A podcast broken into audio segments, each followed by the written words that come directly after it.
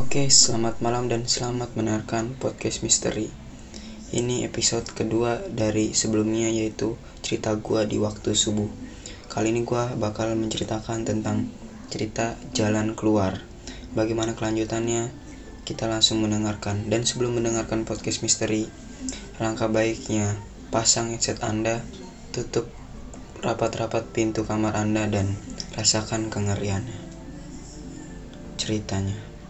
Pada suatu hari, hiduplah sebuah keluarga. Keluarga ini berisi ibu tunggal dan seorang anak.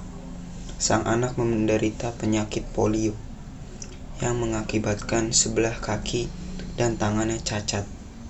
Sejak ayahnya pergi karena frustasi akan masalah dunia, sehingga membuat ibunya harus bekerja dengan keras.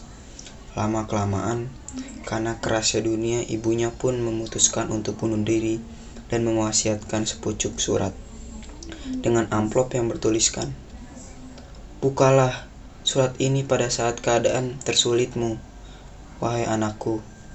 Sang anak memutuskan untuk menyimpan surat itu dan berusaha untuk bertahan hidup. Dia hanya bisa bekerja serabutan dikarenakan kondisi tubuhnya. Terkadang dia hanya dia hanya bisa makan satu cup mie dalam tiga hari sekali. Akhirnya sang anak pun merasakan masa-masa tersulit di mana kerasnya dunia berhasil memunculkan. Ia pun membuka surat peninggalan dari ibunya, dan ia dapat melihat tulisan tangan ibunya dengan jelas, padat, karena hanya terdapat satu kata yang pada surat itu yaitu mati atau menyusullah kepadaku wahai anakku.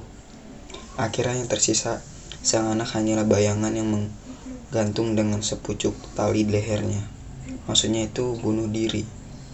Dan semenjak itu rumahnya pun menjadi menyeramkan dan berkesan menakutkan itulah podcast misteri malam ini.